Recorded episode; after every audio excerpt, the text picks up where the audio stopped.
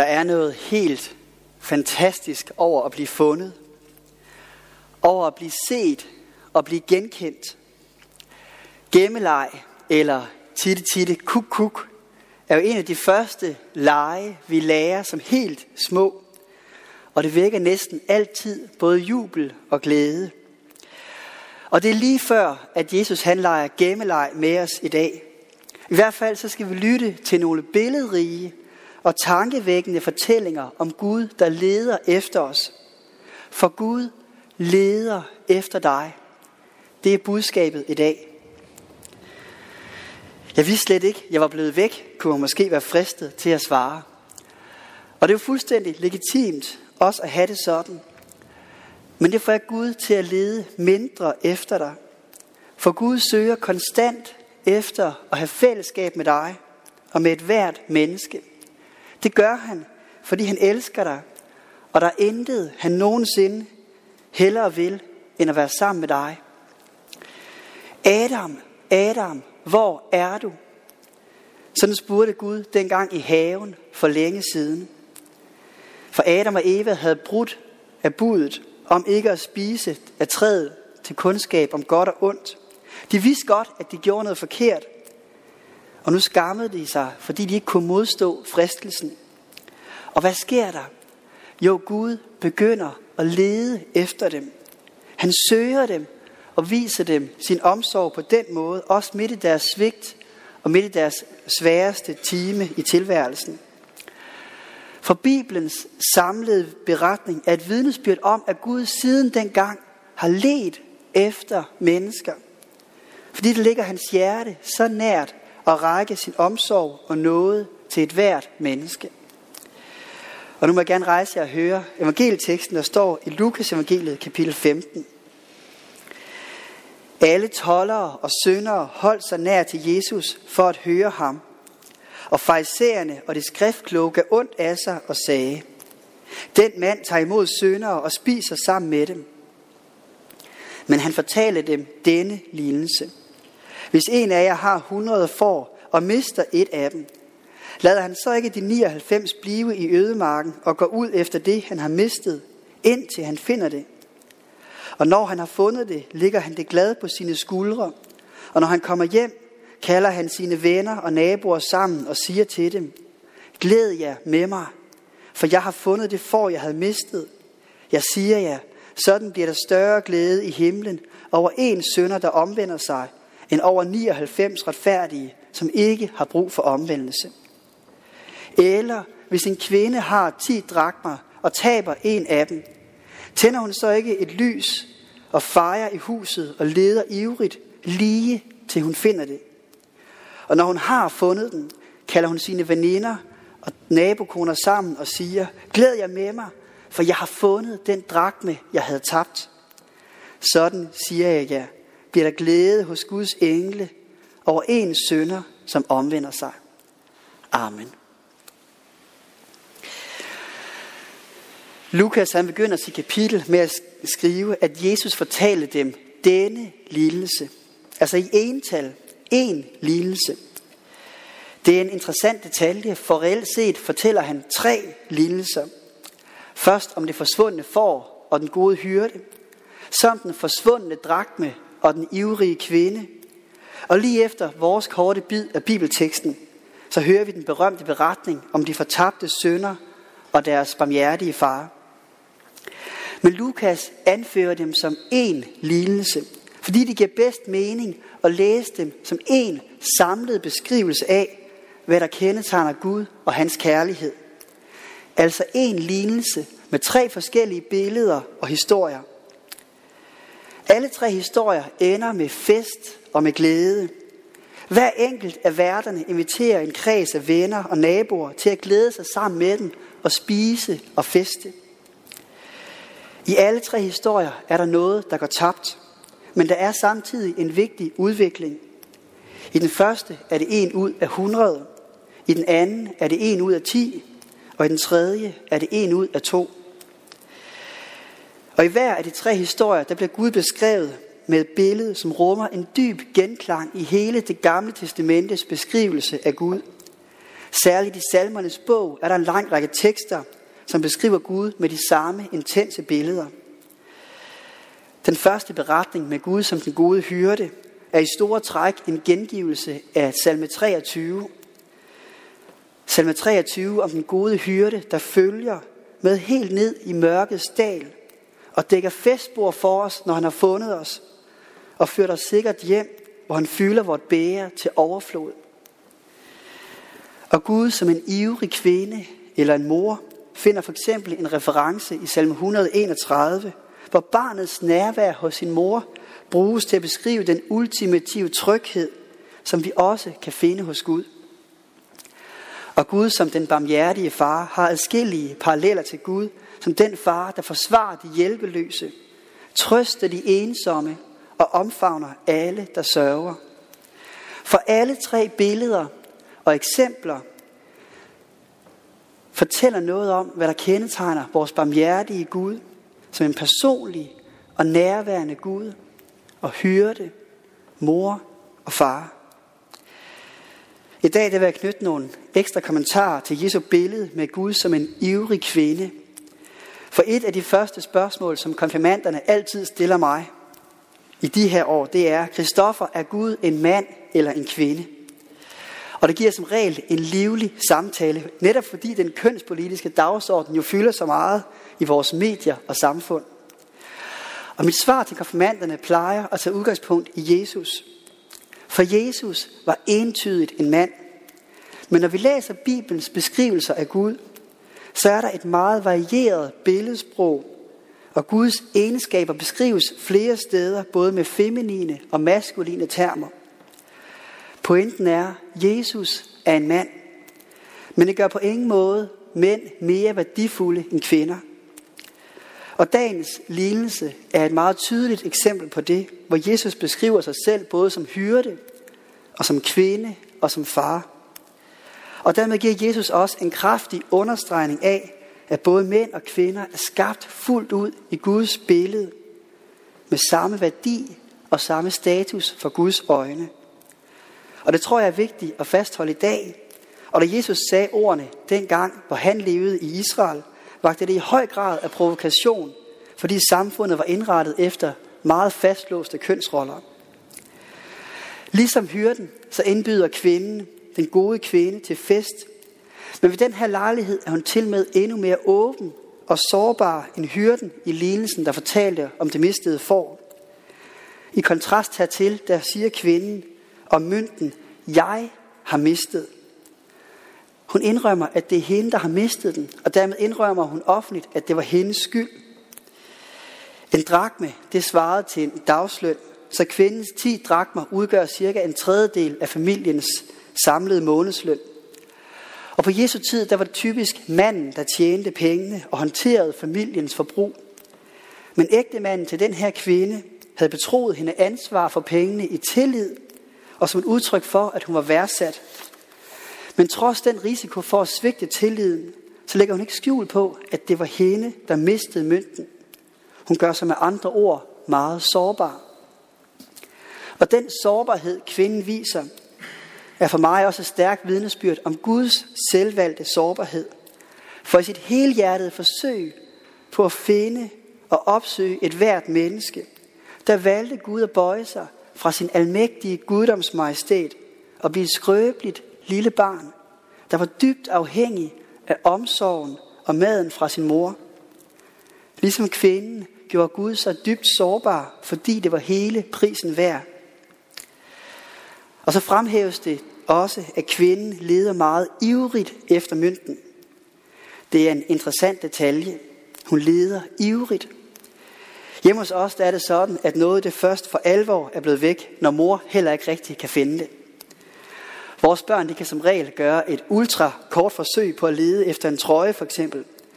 Og når det ikke lykkes, så kan jeg gøre et forsøg, men ofte har jeg fornemmelsen af at lede lidt i blinde. Måske ved jeg knap nok, hvordan trøjen den ser ud, så det er virkelig dårlige odds. Men når først mor bliver sat på opgaven, og endda går ivrigt til værks, så begynder der at ske noget. Og i lignelsen, der understreger Jesus, at når Gud leder, så leder han som en ivrig kvinde. Og ikke nok med det, hun tænder lys og fejrer grundigt i hele huset, for hun ved, at mønten er derinde. I modsætning til kvinden, så leder den gode hyrde på et enormt område i den vilde natur. Og på trods af hyrdens beslutsomhed, så skete det ofte på den tid, at får forsvandt og ikke blev fundet eller omkom i klipperne. Men situationen er markant anderledes for kvinden. På den tid der boede folk i nogle bitte små huse, ofte kun med et rum, med ganske få møbler og ingen vinduer andet end små ventilationssprækker højt oppe under muren. Så der er ikke mange steder, hvor den mønt kan have gemt sig. Og kvindens ivrige søgen gør, at det med stor sandsynlighed vil lykkes hende at finde mønten. Det er alt sammen med til at understrege, at vi har et yderst velbegrundet håb i Jesus Kristus. For han vil ivrigt lede efter et hvert menneske for at genoprette forholdet. Og der findes ikke nogen, der er mere kvalificeret til det end ham. For han er jo universets herre og frelser. Og samtidig dybt menneskelig og nær os alle på samme tid. Til sidst er der en interessant detalje omkring værdien af den drakme, der er blevet væk. For uanset hvor den havnede, så vil den drakme stadig have den samme værdi. I den forstand kan der også være en god mening i at sammenligne alle mennesker med en drakme eller med en 20 kroner mønt, som vi måske kender bedre hos os. Uanset hvor en 20 kroner mønt den havner, så vil den stadig have den samme værdi. Om den havner på vejen eller i grøften. Om den havner midt i en stor bunke guld eller blandt en masse møg, så vil den stadig have den samme værdi. 20 kroner hver. Og på samme måde er det med os mennesker. I Guds øjne har vi alle den samme værdi, uanset hvor vi havner i vores liv, og uanset hvad vi tænker om os selv, om vi falder på jorden, om vi falder i grøften, om vi slår os, om vi går i mørkets dal, eller der, hvor det er på toppen. Vi har altid den samme uendeligt høje værdi i Guds øjne. Og samtidig indeholder troen på Jesus jo også det fantastiske budskab om, at vi gennem Jesus blev vasket fuldstændig rene, uanset hvilket snavs, der er kommet på os. Alt snavs bliver vasket af mønten. Vi bliver fundet, vi bliver tilgivet, og vi bliver elsket ubetinget. For sådan er Guds kærlighed, tålmodig, ivrig, længselsfuld, vedvarende, sårbar og fuldkommen opoffrende, fordi Jesus elsker dig. Og som afslutning på prædiken skal vi nu lytte til en smuk sang, som Thomas og Steffen vil synge. Den er skrevet af Arvid Asmussen, og den hedder Jesus, jeg har brug for dig.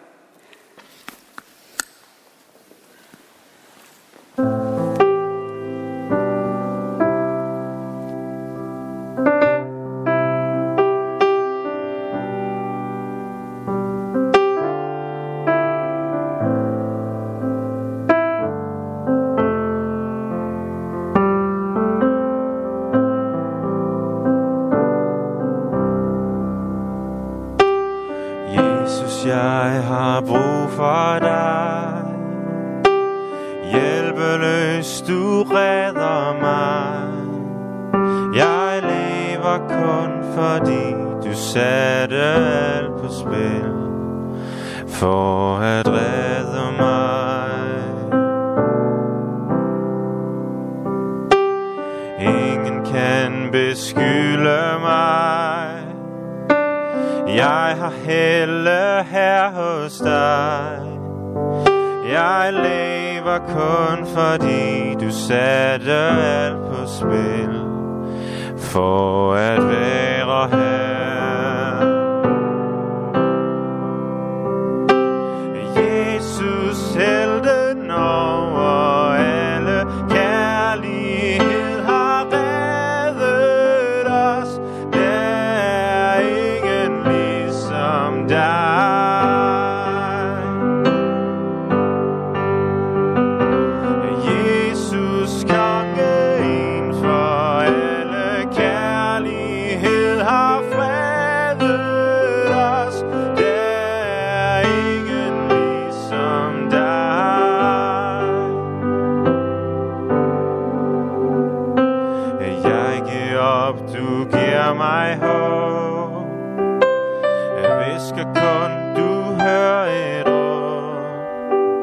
Jeg lever kun fordi du satte alt på spil. For at give mig håb.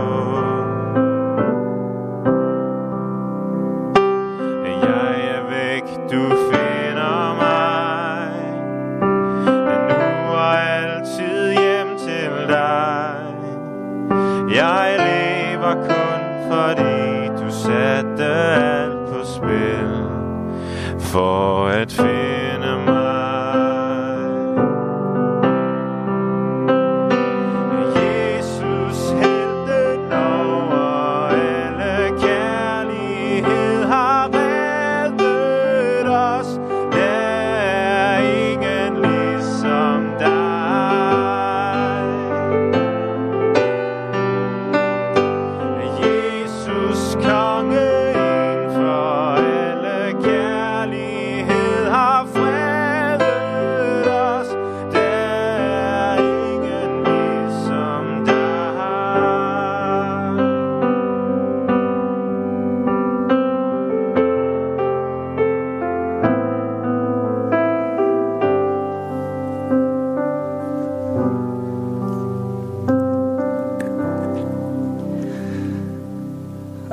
bede sammen.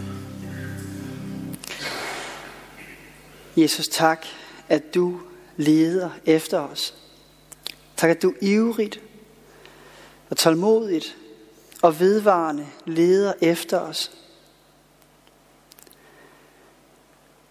Herre, tak, at du kigger på os med milde, kærlige og taknemmelige øjne. For Herre, det er godt at være her i dit blik. Og vide, at vi er elsket og fundet og tilgivet.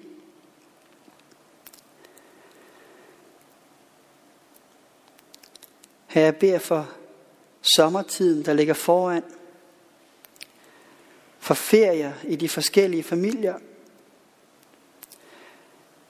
Herre, vil du Lad det blive en tid til styrke og opmundring. Jeg beder for de mange bibelcampings og børnelejre, der skal være rundt i landet. Vil du være nær hos både ledere og alle børn og alle aldersgrupper, der deltager. Lad dem lære mere om, hvem du er.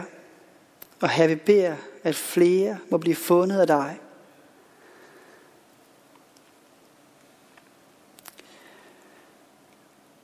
Her vi beder for dem, som livet er svært for. For dem, der kæmper med sygdom, og for dem, der står ved siden af.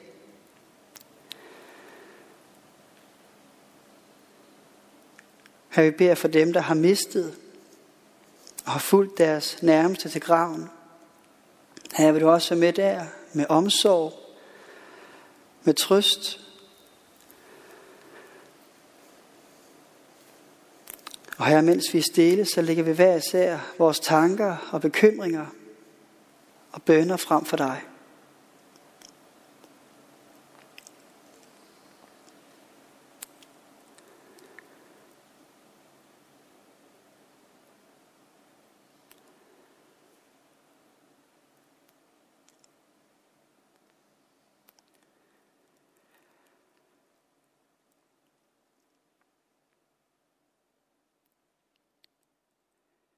Vi beder led os frelser, også når vi selv vil råde og vil gå vores egen vej.